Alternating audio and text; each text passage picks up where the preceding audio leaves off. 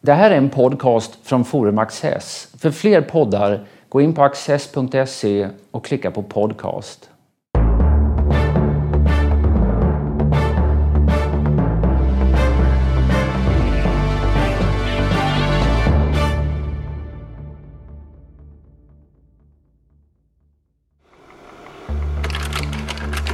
Vergilius är idag möjligen mest bekant som Dantes ledsagare under vandringen genom helvetet och skärselden. Historiskt sett är han kanske den mest bemärkte författaren någonsin. Under åtminstone 1800 år behöll han en framträdande ställning i skolundervisningen i romarriket och i de europeiska stater som så småningom växte fram. Det är eposet Eneiden som generation efter generation har fått förundras över. En saga om Roms tillkomst, om hur den heroiske Eneas slipper ut ur det brinnande Troja och efter åtskilliga äventyr når och lägger under sig den plats där världens mäktigaste stad ska uppstå. Marianne Wivstrand Schibe, docent vid Uppsala universitet och Sveriges främsta expert på Vergilius diktning och inflytande, samtalar med Peter Luttersson. Ryktbarhet svinner fort. Men eh, Vergilius lyckades eh, hålla sig, klamra sig fast som en läst författare inom utbildningssystemet i sådär 1800 år. Jag vet inte om man ska kalla det för att klamra sig fast. Det kanske finns kvaliteter som motiverar att han höll sig kvar. Eh, Ja, det, var inget något... värde, det var inget värde om det. Det var inte det. Nej, det var det inte. Eh, Vergilius blev faktiskt en braksuccé eh, redan under sin livstid. Och det brukar sägas att... Eh, var det Propertius och så nej, som alltså, var tidigare? Och... Det är faktiskt så att redan medan han levde, säger traditionen, spelades, eh, sjöngs hans eh, herdedikter på teatern. Eh, sen är det riktigt att eh, några av hans diktarkollegor och framförallt då Propertius har så att säga annonserat Eneiden just genom att säga jag vet att det håller på att födas någonting som är större än Iliaden. Sen när det gäller Eneiden så blev den ju inte eh, tillgänglig i sin helhet förrän efter Vergilius död. Men den hade en genomslagskraft, någonting alltså otroligt. Stämmer det också att, ehm, att det finns en sån där Kafka-historia kring det? Han, han, eh, han skriva den klar innan han dog eh, på någon återresa efter ett, eh, en vistelse i Grekland. Men att han ville ha sitt verk förstört eftersom han inte hade hunnit gå igenom ja. och korrigera det slutgiltigt. Riktigt klart har verket nog inte blivit. Mm. Det tror jag är lätt att bevisa. Men om det faktiskt var så att han ville att det inte skulle komma ut. Det är klart, vi kan inte veta det till 100 procent, men det är vad traditionen berättar och traditionen ifrån antika Vergilius biografier som vi har kvar idag. Mm. Men att eh, det blev en skolbok nästan med en gång tror jag av flera skäl. Dels eh, kan man ju tänka sig, det är ganska lätt att memorera diktning. Så man lät alltså barnen memorera, pojkarna är ju regel då, man lät dem alltså memorera den. så lärde de sig både eh, Roms historia, eh, de lärde sig eh, då först att läsa och de har också gjort skrivövningar med det här. Vi har faktiskt skrivövningar kvar med rader från Eneiden. Men någonstans i eh, budskapet så är det någonting som lämpar sig för att uppfostra små gossar. Så har man i alla fall uppfattat det under tidernas lopp skulle jag vilja säga. Och vad i budskapet är det man tar fasta på då? Eh, som man har sett det länge är det att Eh, bland annat, nu, nu, finns det många nivåer här, jag tror att man upp, har uppfattat alltid som många nivåer, men, men just det här är att eh, det finns en, alltså, det handlar om plikt, om tålamod, självdisciplin, hjälten Eneas som eh, ska föra sina eh, sina landsmän som har gått i landsflykt då, till ett nytt hem som ska bli det eh, kommande Rom. Eh, han är urtypen för den som så att säga, uppoffrar sig själv och uppoffrar sina egna primära mål och sin egen, sina egna känslor för att eh, verka för ett mål som ligger bortom hans egen omedelbara horisont. Kan jag säga då, grundstoryn är, är den att eh, hjälten lämnar det brinnande Troja ja. efter att grekerna har tagit, eh, intagit staden. Och eh, han eh, eh, har en spårdom att han ska skapa ett eh, imperium så småningom. Mm. Eller att han ska, ska grunda Rom och att det ska bli ett stort imperium som ska lägga världen under lag och sådana där saker. Och så händer det en massa äventyr, ja. framförallt i Libyen på vägen dit. Och, eh, och så kommer han och erövrar den här eh, markytan som sen är ursprunget för Rom. Uh, Vi kan väl bara sådär som något handfast, mycket ja. komprimerat. Enkelt uttryckt, ja. ja. Mm. Så kan man säga. Alltså det, det, det, är viktigt också just att eh, man inte ska se Eneas som en som smiter. Mm. Det är därför han har den här spårdomen, det är därför han uppmanas av sin gudomliga moder Venus bland andra att ge sig iväg från Troja för att han ska rädda. Han får med sig de trojanska bilderna av de trojanska viktiga eh, husgudarna så att säga och, och han har uppdraget att ge sig iväg. Det här är en viktig punkt. Hur viktigt detta skrivs eh, under Augustus tid. Hur viktigt är det att koppla ihop eh, Roms ställning vid den tiden med ett eh, äldre förflutet som Troja i detta fallet? Alltså den kopplingen är ju gjord långt tidigare. Mm. Alltså att, att romarna härstammade från trojanerna, närmare bestämt från den utvandrade Neas. Den är gjord långt tidigare, alltså på Vergilius tid så har denna saga varit flera hundra år gammal. Men vad som händer i Eneiden är ju att eh, väldigt tydligt eh, Eneas kopplas samman med Augustus. Alltså, eh, Eneas i vilket fall som helst en anfader mm. till Augustus.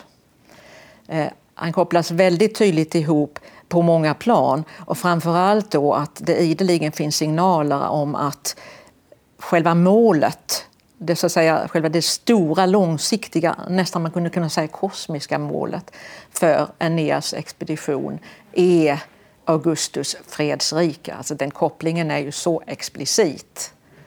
Eh, det, det, det är målet med Roms historia. Kan man säga. Det är slutpunkten och målet med Roms historia. Och tillkomsten eh, sker kan man säga i direkt relation till Augustus också? Ja, det, det måste man säga. Ja, det måste man säga. Han börjar skriva någon gång 29-30 ja. före Kristus. Ja. Och uh, läser tidigt upp uh, delar... Ett par sånger, ja. Ett uh. par sånger som han, får vi förmoda, var nöjd med då. Mm. för Augustus. På Augustus enträgna begäran heter det i eh, biografierna. Mm. Eh, men han var ju redan bekant med, eh, med Augustus sedan ett tag. Han har också läst upp Georgikas sitt tidigare verk, berättartraditionen för eh, Augustus eh, ungefär vid den tidpunkten när han började skriva Eneiden. Eh, sen ska vi ju betona detta att det finns olika tolkningar i modern tid huruvida Eneiden är skriven som en sorts positiv, är positivt understödjande av Augustus politik. Eller om vi ska läsa bakom, eller mellan raderna brukar man säga, eh, och, och, se det som att eh, eh Augustus herravälde implicit kritiseras. Alltså det här är en, en punkt som man är eh, ja, det finns två läger idag kan mm. man säga. Det finns ju mellanpositioner men det finns två läger idag i stort sett. Eh, historiskt sett så är det där en ny företeelse. Det är ju inte så att inte kristna tidig kristna författare har kritiserat Eneiden eller så, det har de gjort. Även om de beundrade verket så har de kritiserat det. Och, eh, det är bara kanske rimligt att det blev så. Men, men just det att det är en kritik som vi ska se eh, mer eller mindre explicit, eh, oftast mindre då. Eh, det är eh, en uppfattning som har dykt upp under de sista, säg under de sista 50 åren och där står man idag. För annars eh, var väl en sak som gjorde att Vergilius lite började vad ska jag säga, fasas ut ur kanon i den utsträckning han gjorde det. Men eh, av tyska romantiker till exempel. Att han stod för nära en makthavare. Att han var en, eh, en ja, en understödjare av romersk imperialism och så. Jo, ehm, kanske man kan säga att det just det som du nämner snarare är någonting som har inträtt, låt säga först efter andra världskriget. Eh, vad som hände tidigare, redan på 1800-talet under romantiken var att man så att säga eh, ja, man ställde Vergilius ett steg tillbaka och nu ansåg att man Homeros, var, Homeros var den ja. verkliga skalden. Eh, och, och då blev eh, Vergilius prestige mindre. Men det om jag nu säger rätt, jag är osäker på detta, men jag tror inte att detta innebar någonting för eh, Vergilius eh, ställning i skolan. Alltså, jag har själv ju tyska, mm. tyska gymnasiekommentarer till eh, Eneiden och eh, även de andra verken från 1890 hemma. Mm. Och det är alldeles uppenbart att man krävde ganska mycket av eleverna men, på den punkten. Men sin, eh, den här ledande ställningen som man ändå hade haft så länge, den kan man säga att den, den rubbades något av dessa tyska romantiker. Därför att man, ja. man lyfte fram natur istället för kultur. Och Vergilius var mycket kultur och Homeros skulle vara mer natur. Och, man lyfte väl fram vad man uppfattade som en mera genuin inspiration. Mm. Uh, och eh, ansåg då att Vergilius kanske var ett slags Homeros epigon och det var inte bra att vara epigon. Lite har väl det här vänt, eh, kanske också i och med modern forskning under början av 1900-talet som plockat fram kvaliteter. Ska vi återvända till personen ja. lite grann? Um, han, uh, han föds uh, 70 ungefär. Och eh, då har det precis varit ett inbördeskrig. Eh, det tredje puniska kriget är ungefär som andra världskriget för den som dör idag. Äh, den som ja, föds idag. Det som mer sätter prägel på hans, inte bara hans barndom utan hela hans uppväxt och lite tid, det är ju inbördesstriderna i Italien. Ja, de, de nästa inbördesstriderna ja, på 40-talet. Så... Inte bara detta, det har faktiskt i praktiken, alltså Vergilius föds 70, det har i praktiken varit stor politisk oro sedan, mm. sedan ja, snart, snart efter det sista puniska kriget. Eh, ständiga partikamper, eh, stånds, eh, ståndsfiendskaper och en del handlar också om spelet med medborgarrättigheterna. Alltså hur ska det gå för de som bor inte i närmaste Latium, det är frågan om medborgarrätten. Och det blir alltså romerska politiker som tar ställning på olika sätt. Det blir väldigt blodiga förvecklingar. Vergilius är inte romersk medborgare när han föds. Ja, nu frågar man nästan för mycket, men utvecklingen är på gång. Alltså hela Italien, hela Italiens befolkning blev romerska med, medborgare under den här epoken. Mm. Anna, han var väl relativt skyddad av den här lantliga belägenheten eh, i det längsta? Eh, ja och nej. Ehm, I stort sett var det ju så att under flera perioder så var den som hade egendom, och det hade han tydligen, ganska illa utsatt. Alltså det kunde nästan bokstavligen vara så att man inte visste på morgonen om man hade kvar sin egendom på kvällen därför att det skedde proskriptioner och expropriationer. Och man förlorade den också? Han, det säger traditionen, mm. att han förlorade sitt gods. Detta var ju något senare, det var ju redan efter Um, efter Filippi? Ja, det var redan efter Caesar efter Caesarmordet då Octavianus plötsligt, alltså den senare kejsar Augustus, plötsligt stod med uppgiften att eh, försörja Caesars veteraner. Mm. Och detta var ju en yrkeshär.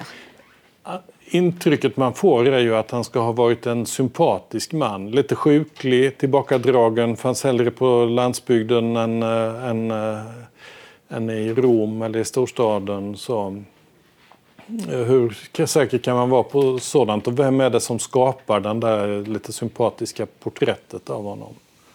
Ja, det, den bilden finns i, i vitorna och det går möjligen tillbaka på kanske nästan andra generationen efter mm. Vergilius. Sen ska vi också tänka på att eh, Horatius har skrivit mm. en dikt där Vergilius förekommer och där vi kanske kan ana lite.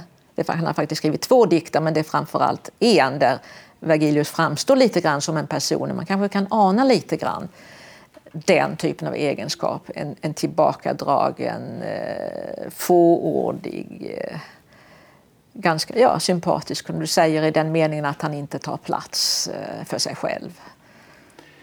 Samtidigt blev han som vi sa väldigt framgångsrik och ja. lär också ha blivit eh, förmögen eventuellt. Och, eh, alltså man, ja. man blev av med den där, det, där var vi ju innan, man mm. blev av med den här föräldragården. Ja. Så, men, men, eh, kanske han blev det, ja. Eller kanske han ja, blev kanske. det. Alltså, det säga... kan vara något som är så att säga extrapolerat ifrån hans dikter.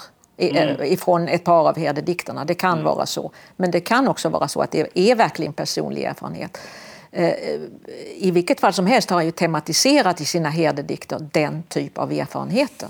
Och herdedikterna, det är om vi, om vi ska presentera det på lite samma sätt som eh, lite förenklat som vi gjorde med Aeniden. Ja, herdedikterna, bukolika, eller de tio eklogerna som också säger, eh, det är eh, en, det är en, en helt annan genre. Det är tio stycken som är i princip eh, enskilda stycken så man kan läsa dem så att säga en och en. Det är inte narrativ på det sättet.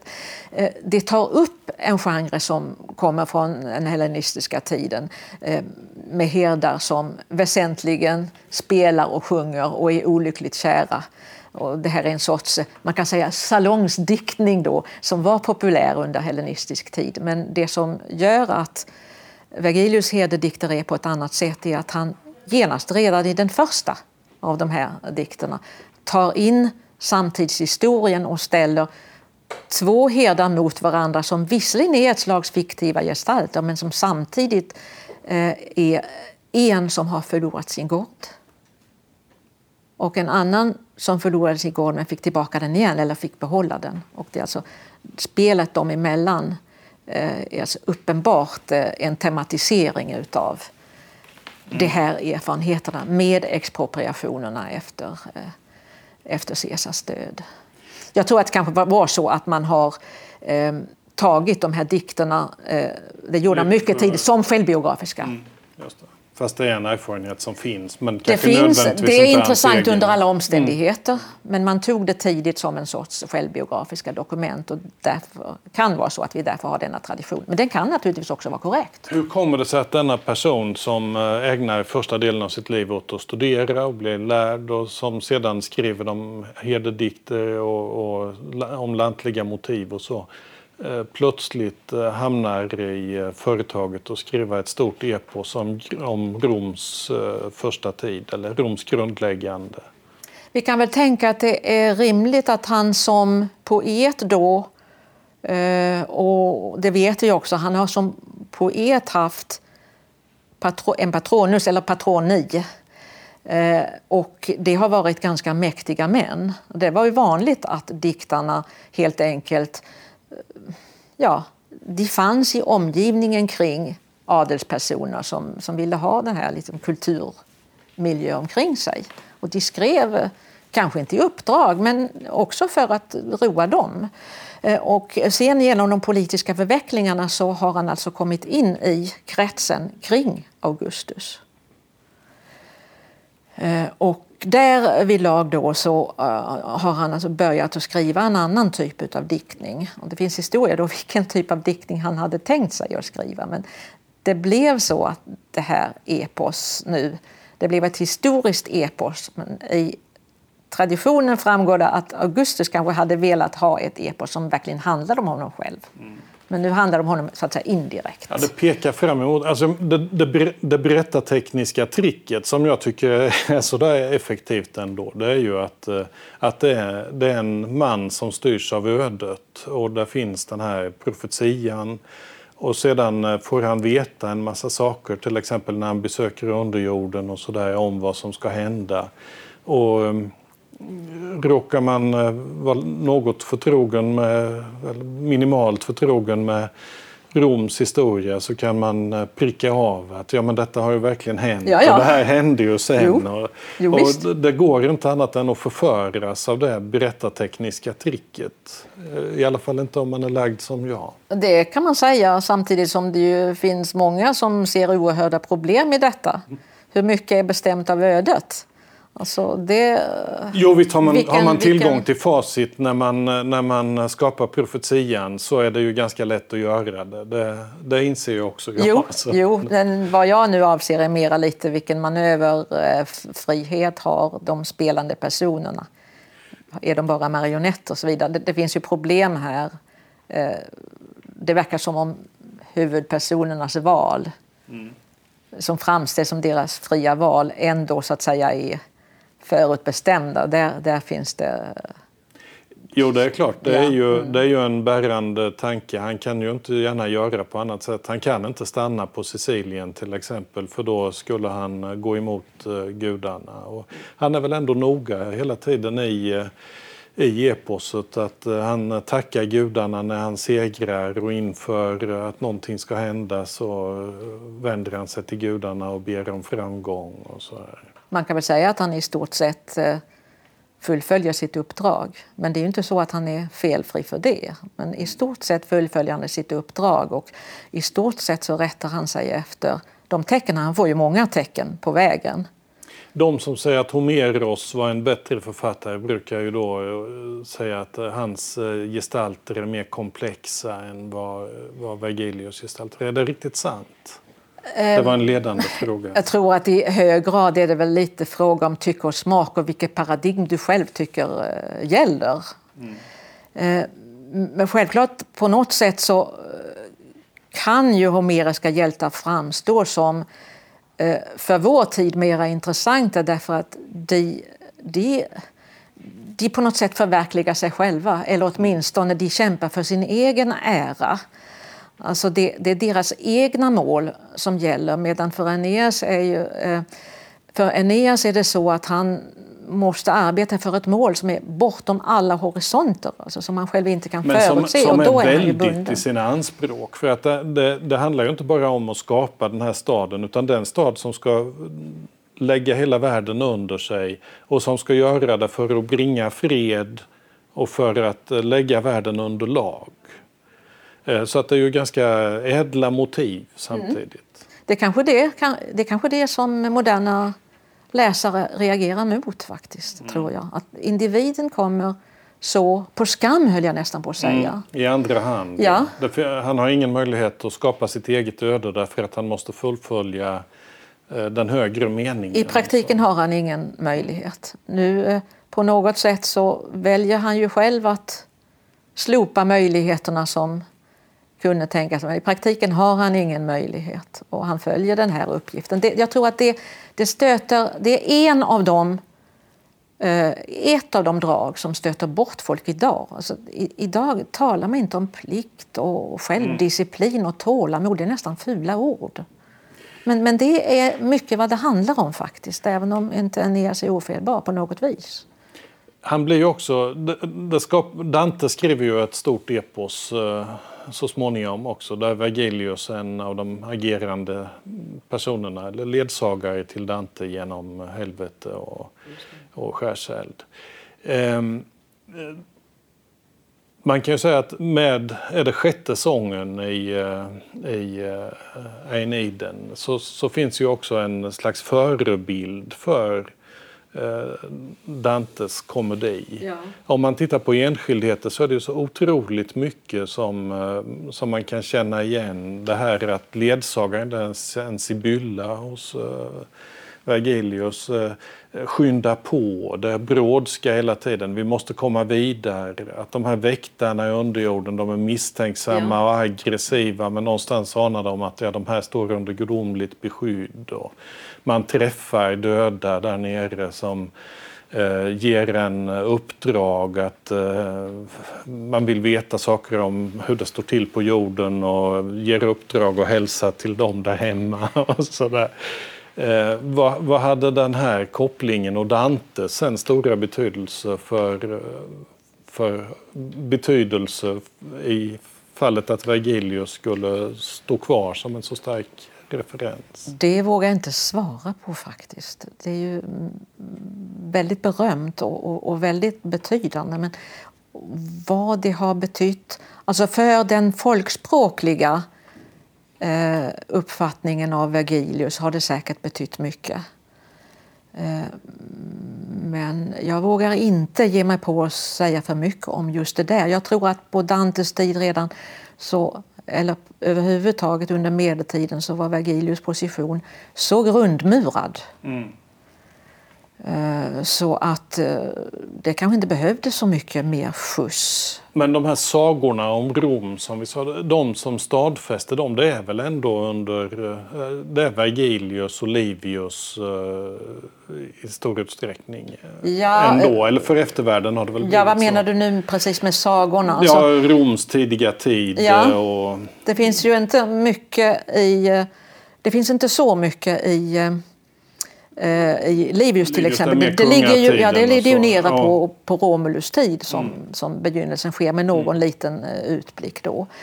Uh, men vad som fanns redan på Vergilius tid, det fanns ju utblickar som uh, Alltså en typ av, vi skulle kalla det idag för pseudohistoria, men en typ av, av, av historia som, som, som tog upp en, en tidigare epok. Det fanns ju sådana, både historieverk och diktning. Vad Vergilius nog har gjort är att han har förlängt tiden mellan eh, Romulus mellan Aeneas och Romulus och eh, inte mellan Romulus och, och eh, Augustus tid men mellan Aeneas och Romulus åtminstone så det framstår i en hel del utav tidigare verk. Och fyllt den med innehåll? Ja, så han har fyllt den med tid. Det här finns ju kronologiska problem därför att det fanns ju redan då en datering av det trojanska kriget. Mm. Men faktum är att i en del av eh, fragment vi har från tidiga romerska historiker så är Romulus redan en son till Aeneas eller son till en dotter till Aeneas.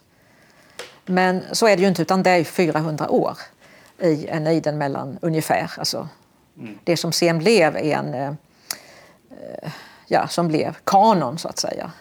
Det som man läste. Ja. Vår tid är ute. Tack så mycket. Tack själv.